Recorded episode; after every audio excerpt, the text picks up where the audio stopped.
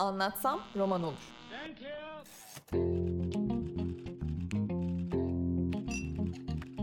Bazı kültür sanat konuşmaları.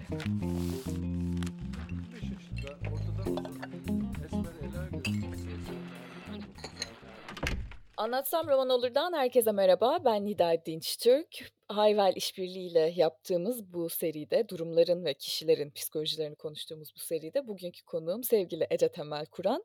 Tahmin edeceğiniz gibi gazeteciliğin psikolojisini konuşmak üzere buradayız. Ve tam da acaba gazeteciliğin psikolojisini bilhassa Türkiye'den çıkmış bir gazeteci olmanın psikolojisini 45 dakikada 50 dakikada konuşabilir miyiz diye tartışırken kaydı başlatmaya karar verdik. Çünkü bunun önünü alamayacağımızı hissettik.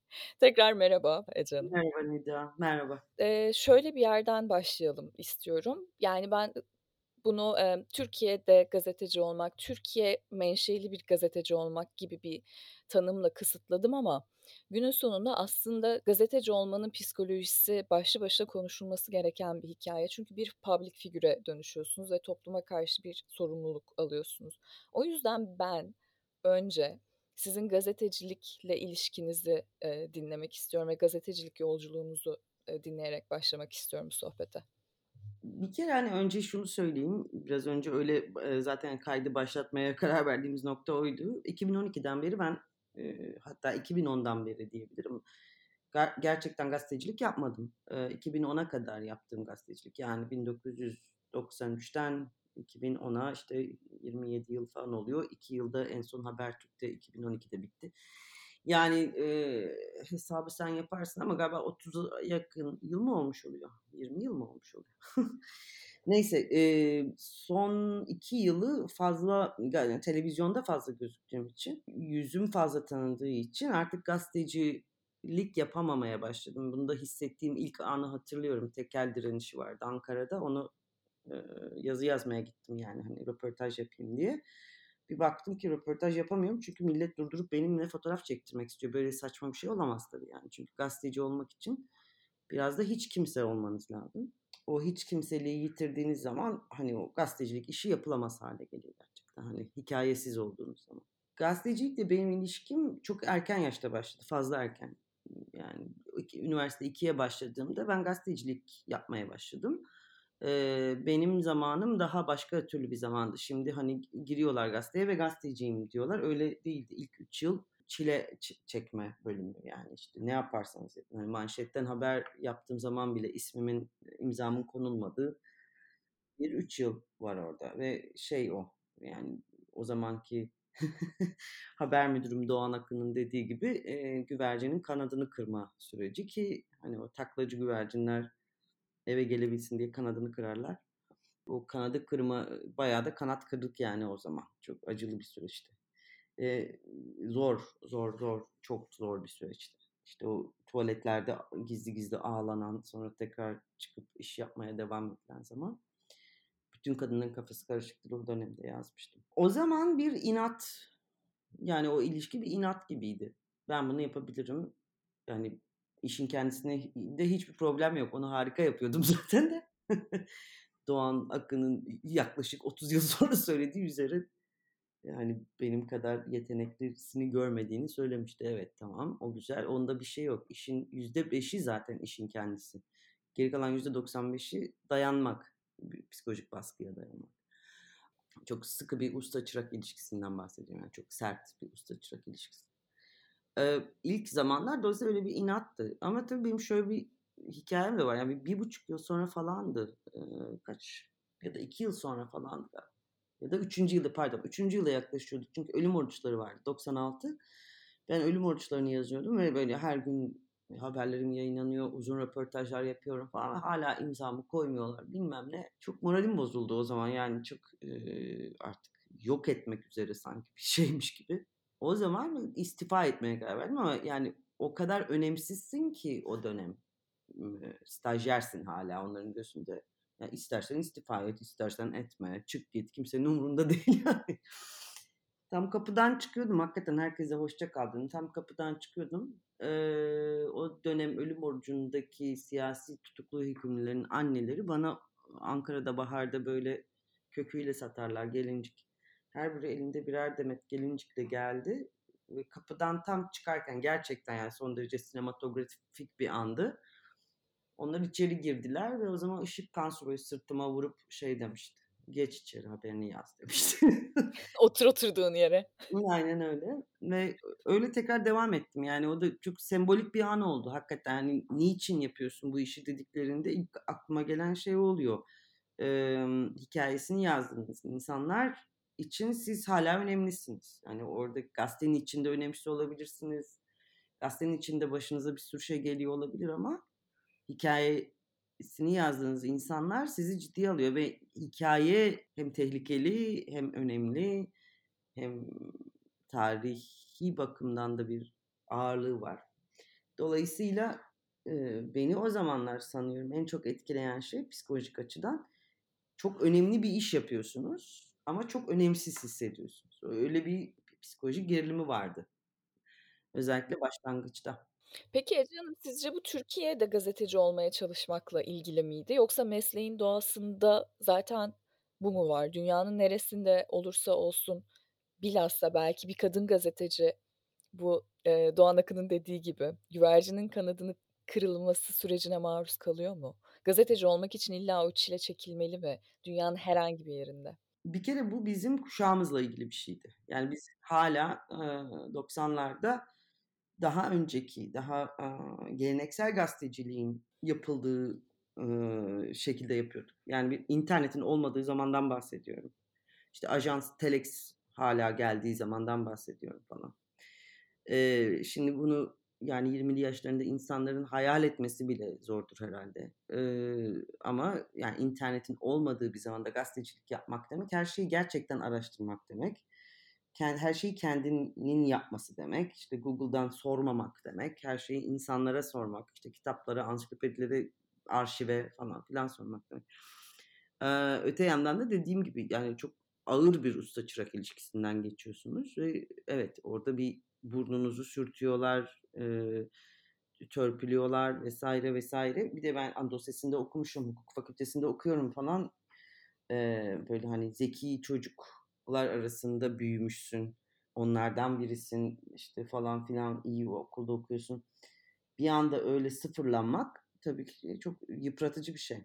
Şimdi bunu kadın bölümüne ayrı bir şey Başlık açmamız gerekecek. Ayrı bir başlık yani. Çünkü şimdi bugünlerde özellikle hani Amerika'da başlayan bu Me Too hikâyesinden sonra şimdi ben dönüp bakınca oy, oy, oy, oy, oy yani bizim yaşadığımız şey tabii ki çok çok çok ağırdı o anlamda. Yani genç bir kadın olarak bize yaşatılan şey tabii ki çok ağırdı. Eee, şey anlamda söylemiyorum hani, eee, böyle ağır, eee, belirgin bir, eee, cinsel taciz filan on onlardan bahsetmiyorum ama tabii ki o son derece erkek egemen bir to eee, çevre ve, eee, sizden yani 10 kat iyi olmanız beklenen, erkeklerden 10 kat daha iyi olmanız beklenen, dayanıklı olmanız beklenen bir çevre. Tabii onu da ispatlamaya çalışıyorsunuz falan. Hep Beraber'de yazdım galiba. Eee, evet, orada yazdım. Yani benim zaman içinde yürüyüşümün gazetecilik tarafından nasıl şekillendiğini biliyorum mesela yani. Ayaklarını, işte topuklarını yere vurarak yürüme, burnunu havaya kaldırarak yürüme, böyle bir aşırı horoz gibi görünme falan filan. Yani insanın vücudunu da biçimini değiştiren, eee, karakteriyle birlikte vücudunun biçimini de değiştiren bir sertleşme sürecinden geçiyorsunuz tabii. Eee, ş o yani o yürüyüşü, o tavrı bırakmak istediğim için de yani gazetecilikten ayrılmış olmak bana şimdi hani sağlıklı bir seçimmiş gibi geliyor özellikle bir kadın olarak. Ama, eee, evet, özellikle bizim kuşağımız için konuşacak olursam dünyanın her yerinde böyle bir şeyi var gazeteciliğin. Çünkü yaptığınız iş önemli. Yani şimdi genç arkadaşlar mesela öyle hissetmiyor olabilirler, birçok nedenle. Ama yaptığınız iş evet, tarihe tanıklık ediyorsunuz ve bunun çok ağır bir sorumluluğu var aslında. Ben çok gençtim, yani gene Ankara'da yani ilk yıl ya da 2'nci yıl falan bir haber yazdım. Hatırlamıyorum, ülkücülerle ilgili falan bir şeydi herhâlde. Ertesi gün gazeteyi bastılar, yani ülkücüler.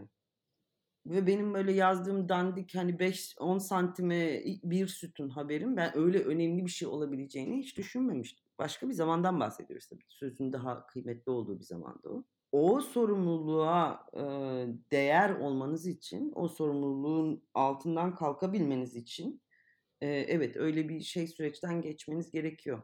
Biraz, ııı, törpülenmeniz gerekiyor. Evet. Hem ego olarak hem de, eee, mesleki beceriler olarak. Imm, o sorumluluğu taşımak için evet, biraz daha, ııı, kişi olarak da olgunlaşmanız lazım ve sertleşmek de, eee, sertleşmek doğru sözcük mü bilmiyorum ama birazcık hayata mesafeli kalabilmek için, eee, fazla, fazladan olan duygulardan da biraz, amm, o dram gençlik dramlarından falan da arınmak gerektiğini düşünüyorum, evet. Yani, hı. şimdi bana gelse birisi gazetecilik öğret dese, ııı, öncelikle başka türlü öğretmeyi bilmediğim için ama 2'ncisi o eğitimin kısmen, tamamı değil tabii ki, kısmen önemli kazanımlar, getirdiğini düşündüğüm için ben de çok farklı davranmam. Evet, yani, bir kere sen öncelikle bunu yapmak istiyor musun? Beni boşuna uğraştırma yani. Eee, öncelikle bir 1 yıl, evet, bir, ağır çalıştırırım herhâlde diye düşünüyorum ve ben beni çok çalıştırdılar demeyeyim, ben çok çalıştım. Ben kendim de çok çalışıyorum. O yüzden onlar çalıştırmadılar, belki ben çalıştım. Hakikaten çok çalıştım yani. Bir de bir yandan da hukuk fakültesi okuyorum. Evet ama tabii bir yandan da gerçekten şey, yani, bu, eee, mesleğin çetrefiline dâhil olurken, eee, o sınavı veremiyorsanız zaten sanki o mesleğin içinde de hayatta kalamayacakmışsınız gibi bir denklem, eee, ortaya çıkıyor. Şeyden bahsediyordunuz, ben aslında araya girdim heyecanlanıp. Hıı. Emm, o dönem, eee, sizi gazeteye geri döndüren aslında sizin, eee, haberlerini yaptığınız, eee, insanlar, yani, o haberlerin özneleriydi ve aslında o sorumluluktu sizi gazeteye geri döndüren. Emm, bununla bağlantılı şunu da sormak istiyorum. Çok ağır dönemlere şahitlik ediyorsunuz. Yani, zaten bence Türkiye yakın tarihinde herhangi bir gazetecinin şahitlik etmediği bir ağır dönem olmaması söz konusu değil, ama bilhassa siz 90'lardan itibaren bunlara, emm, tanıklık ederken bu haberlerin özneleriyle mesafeyi korumak gazeteciliğin çok temel kurallarından birisi. En zorlandığınız anlar nelerdi? Gazetenin içinde bir gazeteci olmaya çalışmaktan ziyade, haber özneleriyle çalışırken, o haberlerin parçası, o haberlerin üreticisi, e elçisi olurken. Nasıl bir gazetecilik yaptığınıza çok bağlı. Yani, ne diyeyim ben şimdi? ANAP muhabiri, o zaman ANAP vardı. Hâlâ var mı ANAP bilmiyorum da. ANAP muhabiriyseniz, eee, evet, yani, orada duygusal bir şey yaşamak o kadar önemli değil galiba. Ya da bilmiyorum, yani, o da yanlış aslında, öyle söylememek lazım.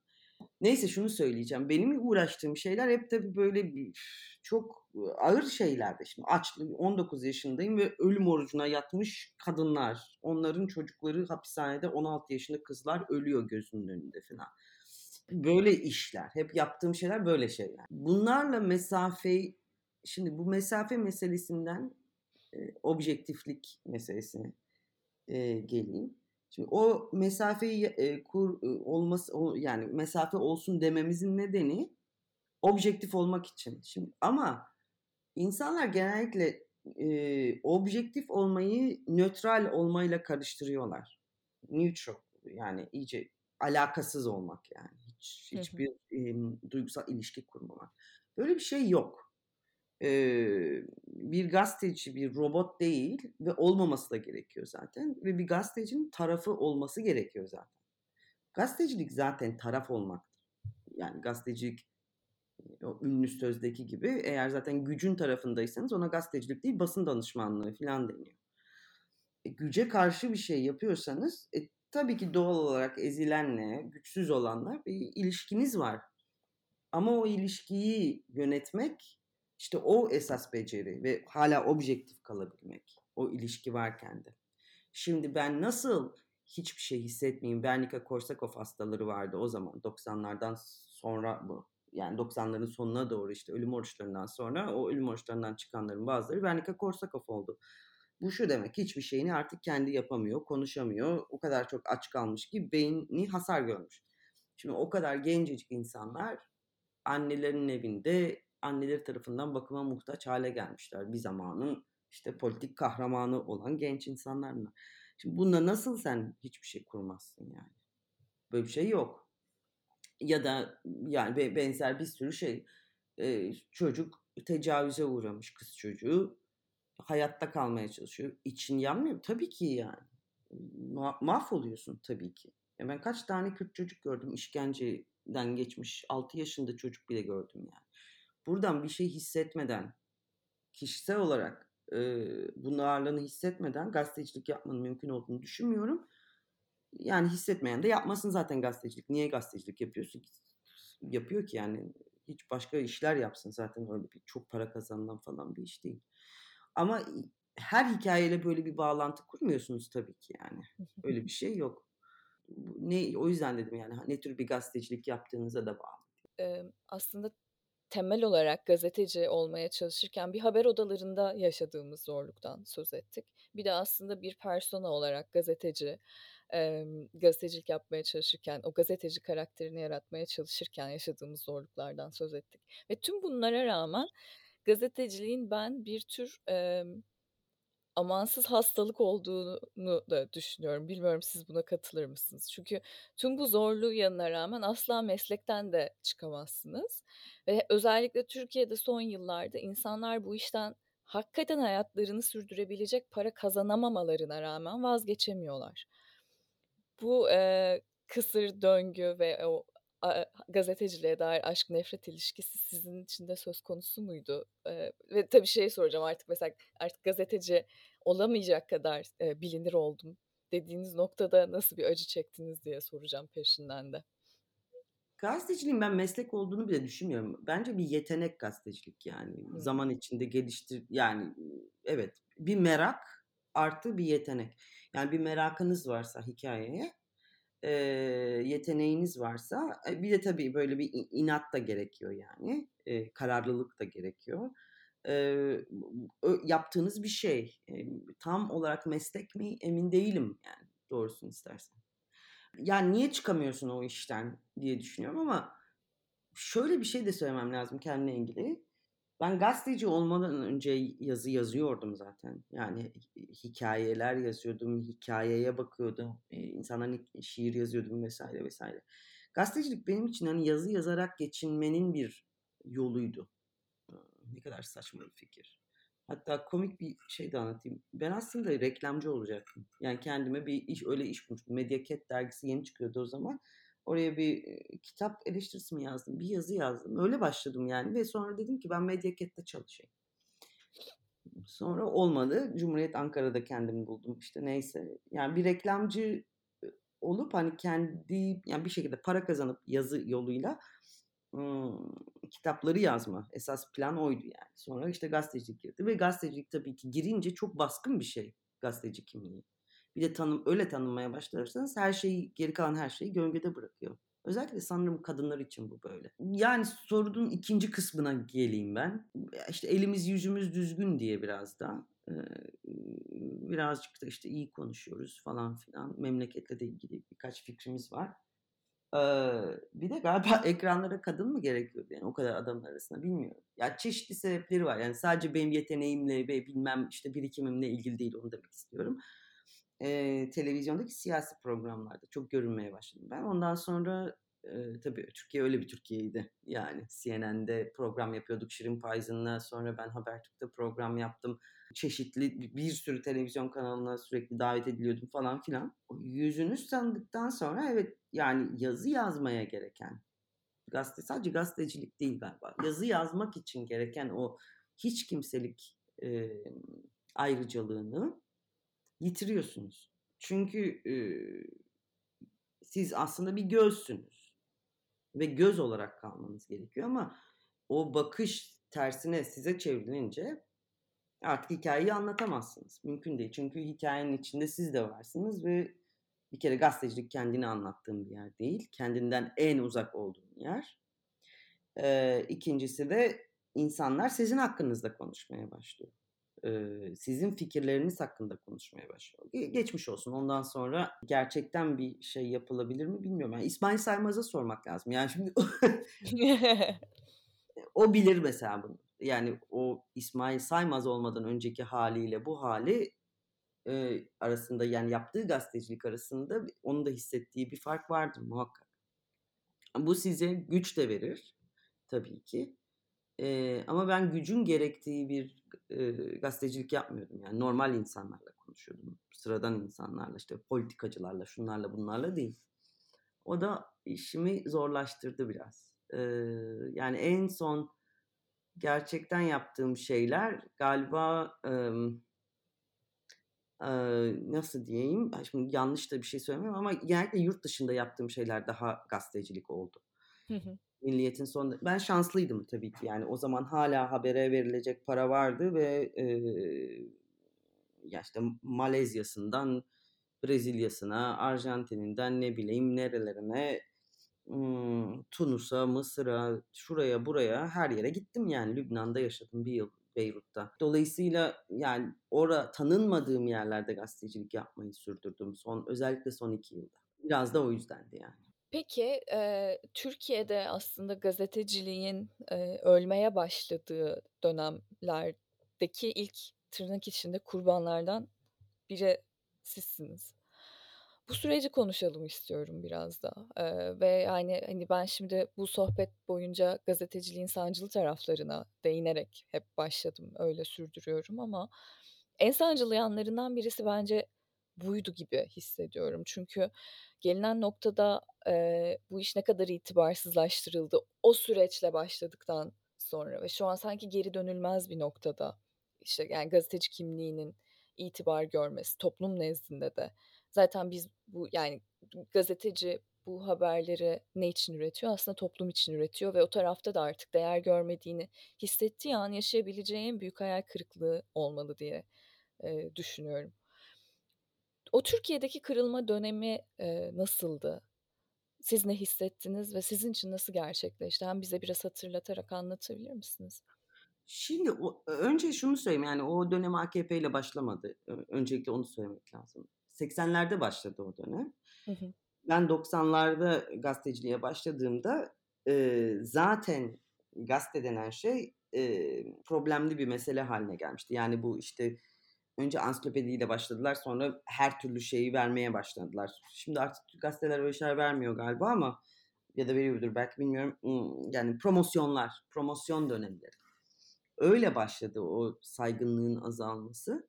Ee, sonra tabii ki daha yapısal bir değişiklik oldu. 80'lerde başlayan değişiklik, yapısal değişiklik daha belirgin hale geldi. Yani patronların gazete sahiplerinin başka işlere sahip olması ve bu işler için gazete yoluyla iktidarla pazarlığa oturması. Oralarda kaybedildi o saygınlık aslında. Yani e, yeni iktidarın iktidara geldiğinde yaptığı tek şey şöyle parmağıyla bir fiske atmaktı. Hı hı. O zaman zaten bir e, kağıttan kaplana dönüşmüştü. E, onlar geldiğinde zaten kağıttan bir kaplana dönüşmüştü basın. E, onlar sadece dediler ki bu basına güvenilmez bilmem ne ve çok kolay e, alıcı buldu bu fikir ve daha da o saygınlığın artık son şeyi kaybedildi. Gazetenin ve gazetecinin ağırlığı tamamen yok oldu. E, ben onu kendi kişisel hayatımda hissetmedim. yani hiç bu konuda şey yapamayacağım. Ve birçok insanın benim gibi gazetecilik yapan birçok insanın televizyonda ve gazetede hissettiğini de zannetmiyorum. Çünkü doğru sözün, gerçek sözün her zaman bir ağırlığı oldu. Bugün de var. Fakat yani Türkiye'de bu saygınlık kaybedilme hikayesine paralel olarak dünyada da bir şey yaşandı. Yani hmm. haber ne? e, artık haberi kendisinin alabildiğini düşünen bir kalabalıkla karşı karşıyayız ve haberi kendi yapan bir kalabalık, haberin kendisi olan bir kalabalık falan. Yani o ta bizim geçen yüzyıldan getirdiğimiz sahnede bir mikrofon var, herkes onu dinliyor. Bu ilişki ortadan kalktı. Artık herkesin elinde mikrofon var, her yer sahne. Dolayısıyla yani işte e, liyakat, deneyim, bakış açısı, e, mesleki eğitimden geçmiş olmak falan bunların hiçbir öneminin kalmadığını düşünmeye başladı insanlar. Böyle diyoruz. Ama şimdi mesela bugün deprem olsa e, olduğu anda hangi kanalı açıyorsanız işte kimin söyle yani ne söyledi diye kime bakıyorsanız işte gerçek yani deprem iyi bir örnek değil ama mesela diyelim ki siyasi bir değişim oldu. Hala bizim güvendiğimiz bir takım kaynaklar var atıyorum mesela ben BBC'yi açıyorum.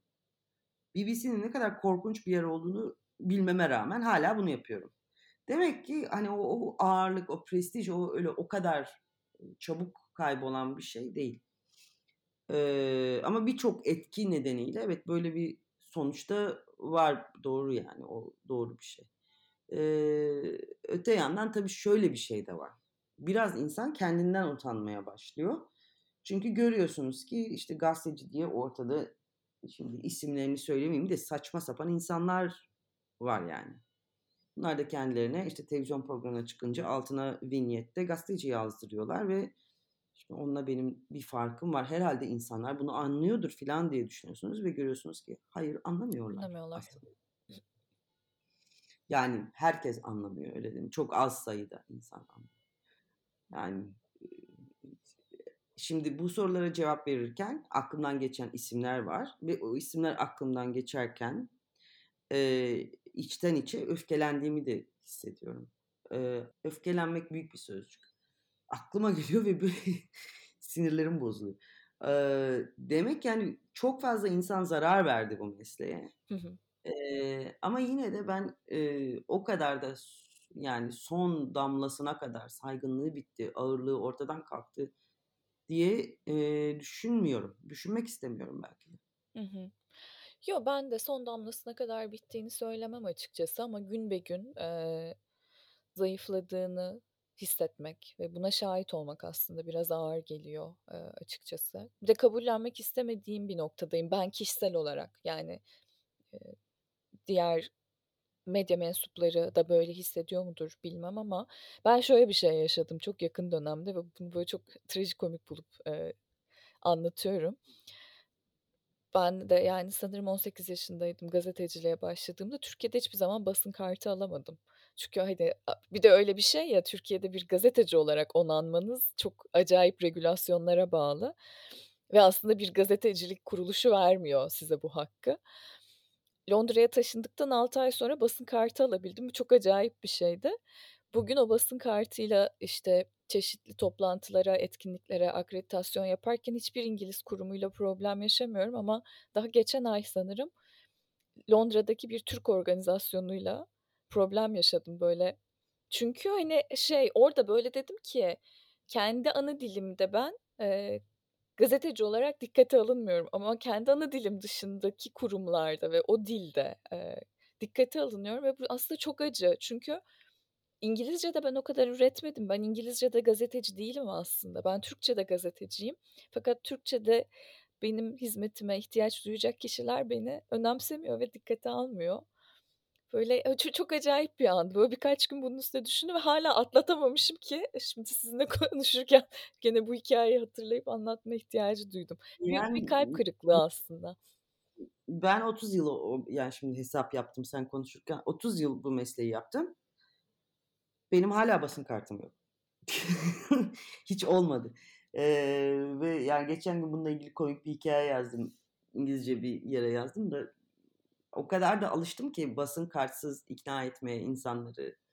Ee, bir süre sonra vazgeçtim zaten istemekten. Neyse yani sonuç olarak evet böyle bir problemli tabii siyaseten ve kurumsal olarak problemli bir yerde gazetecilik yapmak için ekstra bazı yani sinir kalkanları gerekiyor insana demek ki yani. Hepsini de geliştirdik şükür. evet bir de yani e, bir karakter olarak kurumlar tarafından onanmak gerekli mi? Niye böyle bir şeye mecburiyeti mecburiyetin içinde buluyoruz kendimizi? Bu da başka bir soru. Yani kurumuna bağlı. Çünkü başbakanlık o kurum değil tabii bir gazetecinin evet. gazeteciliğini onaylayacak kurum değil. Ama evet bir gazetecilik kurumu vermesi gerekiyor bu kartı. Var yani uluslararası kartlar da alabiliyorsunuz falan ama e, ben yani bir süre sonra vazgeçtim zaten kart meselesinde. Evet e, zaten şeye dönüyor artık hani bir kimlikle bir gazeteci kimliğiyle kart ka- kağıt üstünde artık kendinizi tarif etmeniz gerekmiyor. Bence o da e, Şöyle bir şey de var yani kartı almamamın sebeplerinden bir tanesi de ben kendimi hiçbir zaman gerçekten gazeteci gibi görmedim. Şimdi gerçekten gazeteci olanlar yani gerçekten gazetecilik yaptığım bir zaman vardı. Hani haber yapmaktan bahsediyorum. Ama ondan sonra hep yazardım zaten. 2000 kaç?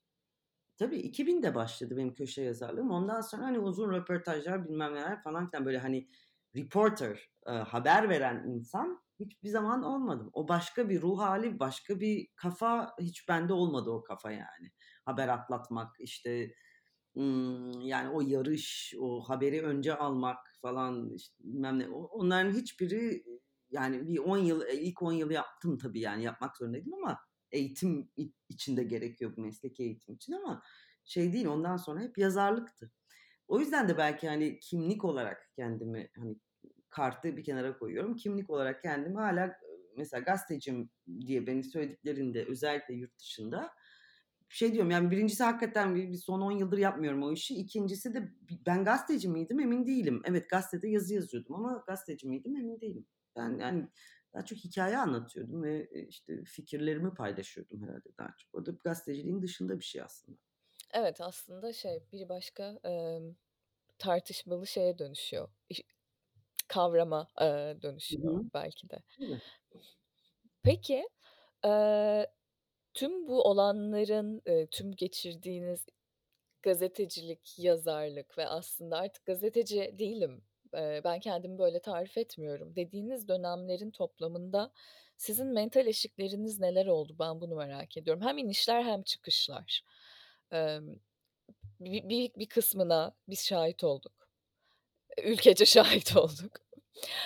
Ama kişisel olarak da, yani, Ece'nin içinde neler oluyordu? Ece nerelerde çukurlara düştü ve nerelerde çıktı? Nasıl çıktı ya da o çukurlardan? Çukurdan çıktım mı acaba?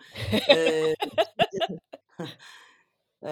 yani, ilk başlangıç çok zordu. Biraz önce bahs bahsettik işte. Eee, çok çok, yani, her sabah ağ ağlayarak uyandığımı, yani, uykudan öyle uyandığımı ve buna rağmen işe gittiğimi son 1 yılında özellikle hatırlıyorum.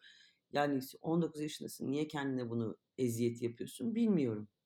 Ş şimdi olsa yapmazdım ama o zaman ha, bir de bu işe genç başlamak gerekiyor. Yani, daha sonraki yıllarda insanın kendine öyle olan öz saygısını yok edecek bir iş. Neyse, o zaman biraz zordu. Ondan sonra, yani, hiçbir zaman kolay da olmadı şimdi düşün ama be benim, hani, yüzümden çok anlaşılmaz. Ne hasta olduğum anlaşılır ne böyle çok acı çektiğim anlaşılır falan. Çok belli etmiyorum böyle şeyleri. İstanbul'a taşındığım zaman bir, bir afalladığımı hatırlıyorum. Yani, 96-97 zamanı. Eee, kişisel olarak da kötü, yani, özel hayatımda da kötü bir zaman geçiriyordum ve işsiz kaldım. Eee, Artı Haber diye bir dergi vardı o zaman. Oradan atıldım. O zaman çok zor bir zaman geçirdim, yani. Öyle, ııı, aç kaldığım zaman oldu, yani. Annemlere de söylemiyorum falan. Neyse, uzun hikâye. O zaman da gençtim yani. 23-24 yaşındaydım. Ondan sonra o zaman biraz zordu. Oradan çıktım ama. Iıı, işte, kendime saçma sapan işler buldum. Anadolu kaplanlarıyla ilgili dergi yazdım, dergi yaptım. Sabah grubuna. O zaman kimsenin bilmediği hikâyeler bunlar. Eee, şey, Maraş'ta, yani, abuk sabuk otellerde, Antep'lerde, oralarda buralarda iplik üreticileriyle konuşup dergi yapıyordum. Aylarca onu yaptım, yani, para kazanmak için. Sonra yavaş yavaş, işte, işler düzeldi. CNN'e girdim. Arkasından hop kendimi Milliyet'ten Ekin'de köşe yazarı olarak buldum. Sonra Milliyet'in ana gazeteye geçtim.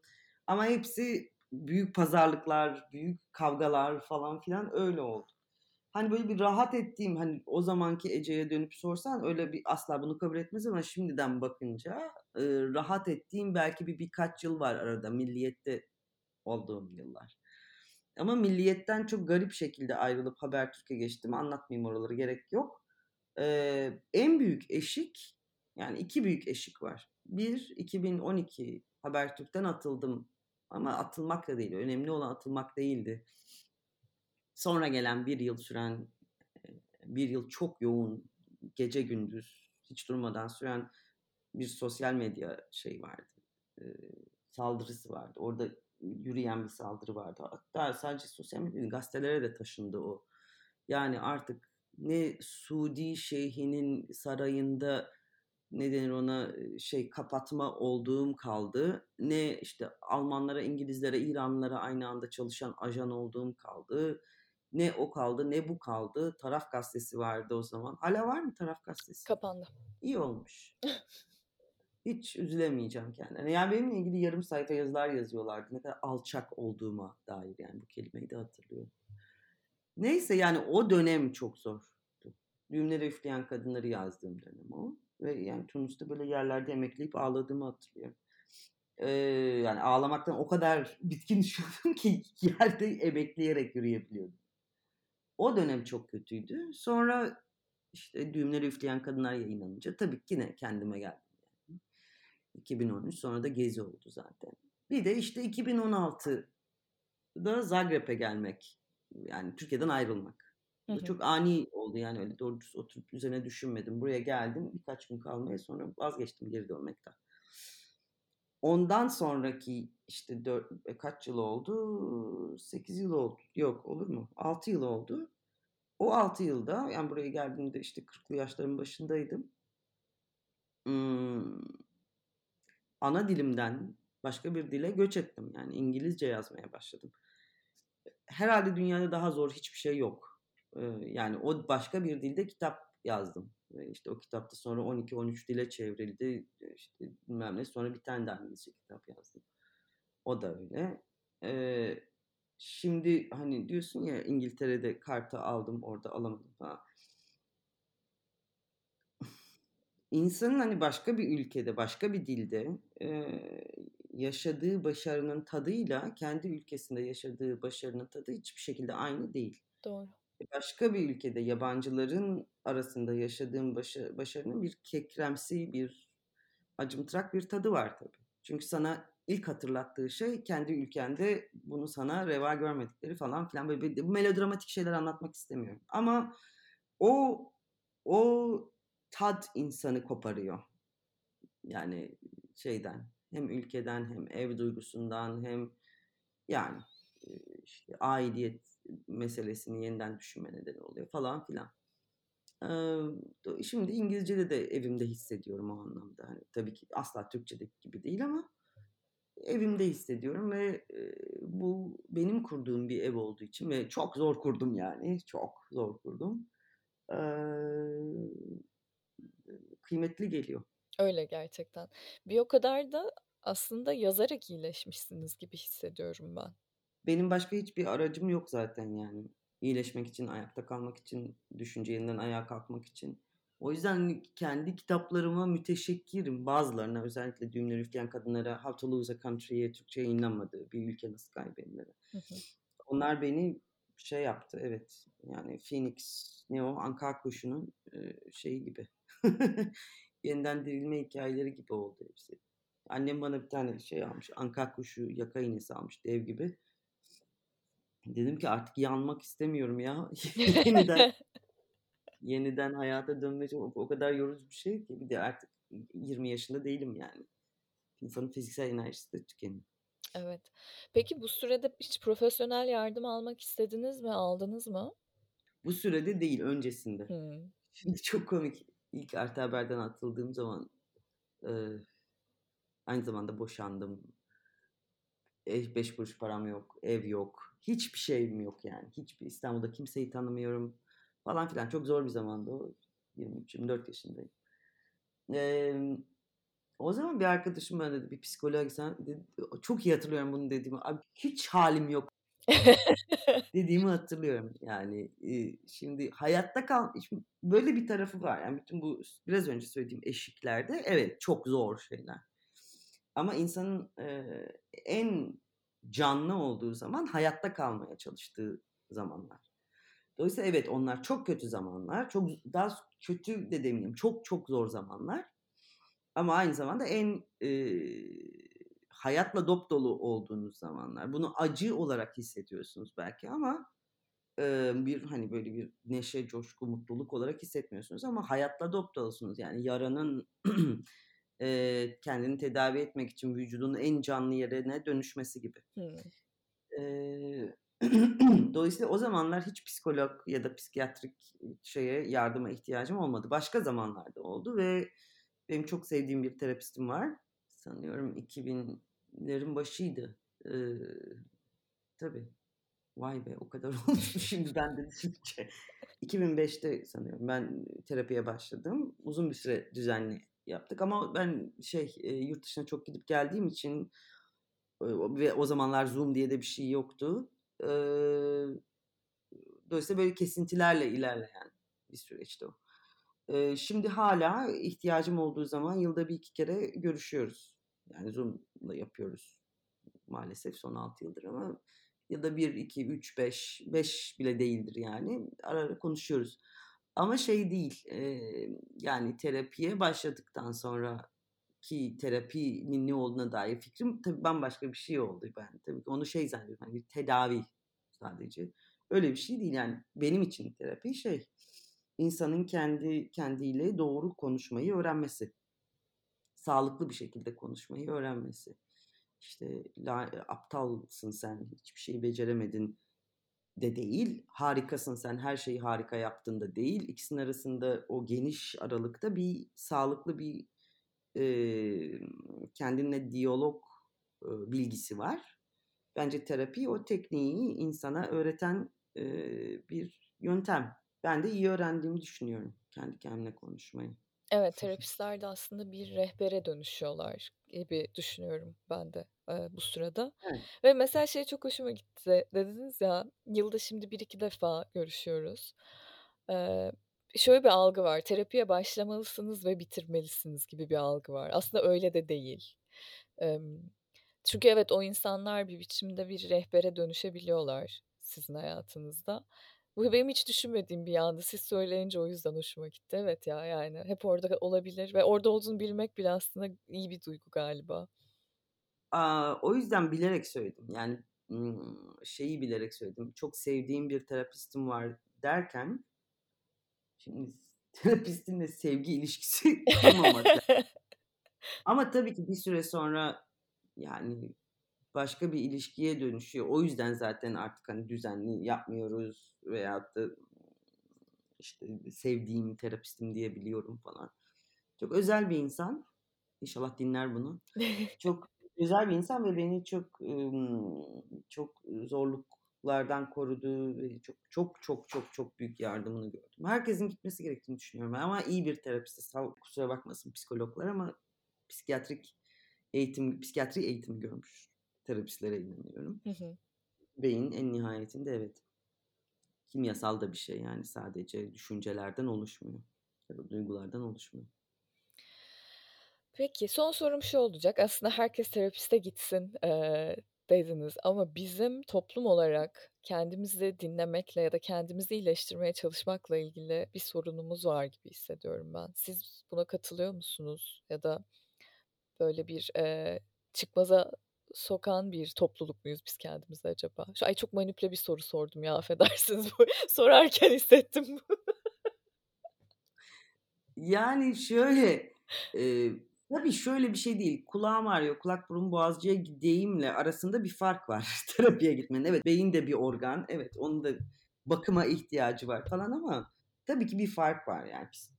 Hem psikolojik, duygusal olarak bir fark var. Evet insan hani böyle bir ben yenildim yapamıyorum falan filan gibi bir şeye giriyor. Do, do, o, anlıyorum ben bunu. Çok şey karşılamıyorum yani vay nasıl olur falan demiyorum. Ama şimdi bizim toplumumuz falan deyince tabii ki bizim bahsettiğimiz kesim şu anda işte muhtemelen beyaz yakalı, orta sınıf, orta, hatta üst orta sınıf. Çünkü bir orta sınıf bir insanın şu anda Türkiye'de orta sınıfta kalmadı gerçi de öyle bir terapiye verecek parası falan olamaz zaten. Yani o insanlar da genellikle böyle bir şey takıntısı var. Bana biraz komik geliyor. Şifalanma, bir şifa arayışı falan. Dünyada var gerçi bu. Sadece Türkiye değil. Herkes bir şifa peşinde ve saçma sapan şeyler yapıyorlar bunlar için. Bunu yapacaklarına yani bu, bunca zaman bununla ilgili bir bilim dalı oluşmuş. Biraz ona güvenseler daha iyi olur şifalanma hikayelerindense yani belki de hani bu dünyada bu zamanda özellikle Türkiye gibi bir ülkede yaşamanın zaten sağlıksız bir durum olduğunu kabul edip o kadar da böyle yüzde yüz iyileşme diye bir şey olmayacağını kabul etmek lazım. İyi hissetmek, hem mutlu hissetmek öyle bir şey yok. Yani niye mutlu hissedesin ki? Memleketin hali böyle. Hayatın berbat. işler kötü falan filan yani öyle iyi hissetmek çok abartılı buluyorum bu şeyi yani. Abartılmış bir, eee, hedef. Mutlu olmak falan. Yok öyle bir şey. Yani arada bir mutlu olursun, arada bir neşelenirsin. Gerisi de arkadaşlarınla beraber bir araya gelirsin ve durumun berbatlığı üzerine konuşarak gülersin. Bu yani, bu kadar. Başka bir şey yapılabilecek bir şey yok. Terapi yani hâlâ evet, öyle bir stigması var galiba bir sürü insan için ama çok çok ciddiye alamıyorum o stigmayı yani. O çok çok artık cahillik düzeyinde bir şey. Bu arada bu serinin ilk konuklarından biri, eee, tam programı kapatırken şöyle bir şey söyledi. "Erkekler terapiye gitmiyor, erkeklerin terapiye gitmesi lazım." dedi ve böyle, "Evet." "Wow!" zihnimin açıldığı bir alıntı ve hiç unutmuyorum. Her bölümde bir biçimde bunu hatırlıyorum. Şimdi kapatırken gene bu geldi aklıma. Erkeklerin bir sürü şey yapması lazım. Evet, bunlardan biri de terapiye gitmek ve, eee, muhtemelen onların ilk 4 seansı Eee, ya, şöyle bir şey, kendilerinden bu kadar çok bahseden insanların kendileriyle ilgili hiçbir şey söylememesi çok acayip geliyor bana. Bu da benden sana bir cümle olsun o zaman. Peki, aldık ve not ettik. Çok teşekkür ediyorum. Ben teşekkür ederim Nida, çok keyifliydi. Biz de Anlatsam Roman Olur'un bir sonraki bölümünde gene, eee, durumların ve kişilerin psikolojisini konuşmak üzere bir başka konuğumla burada olacağım. Görüşmek üzere, hoşça kalın.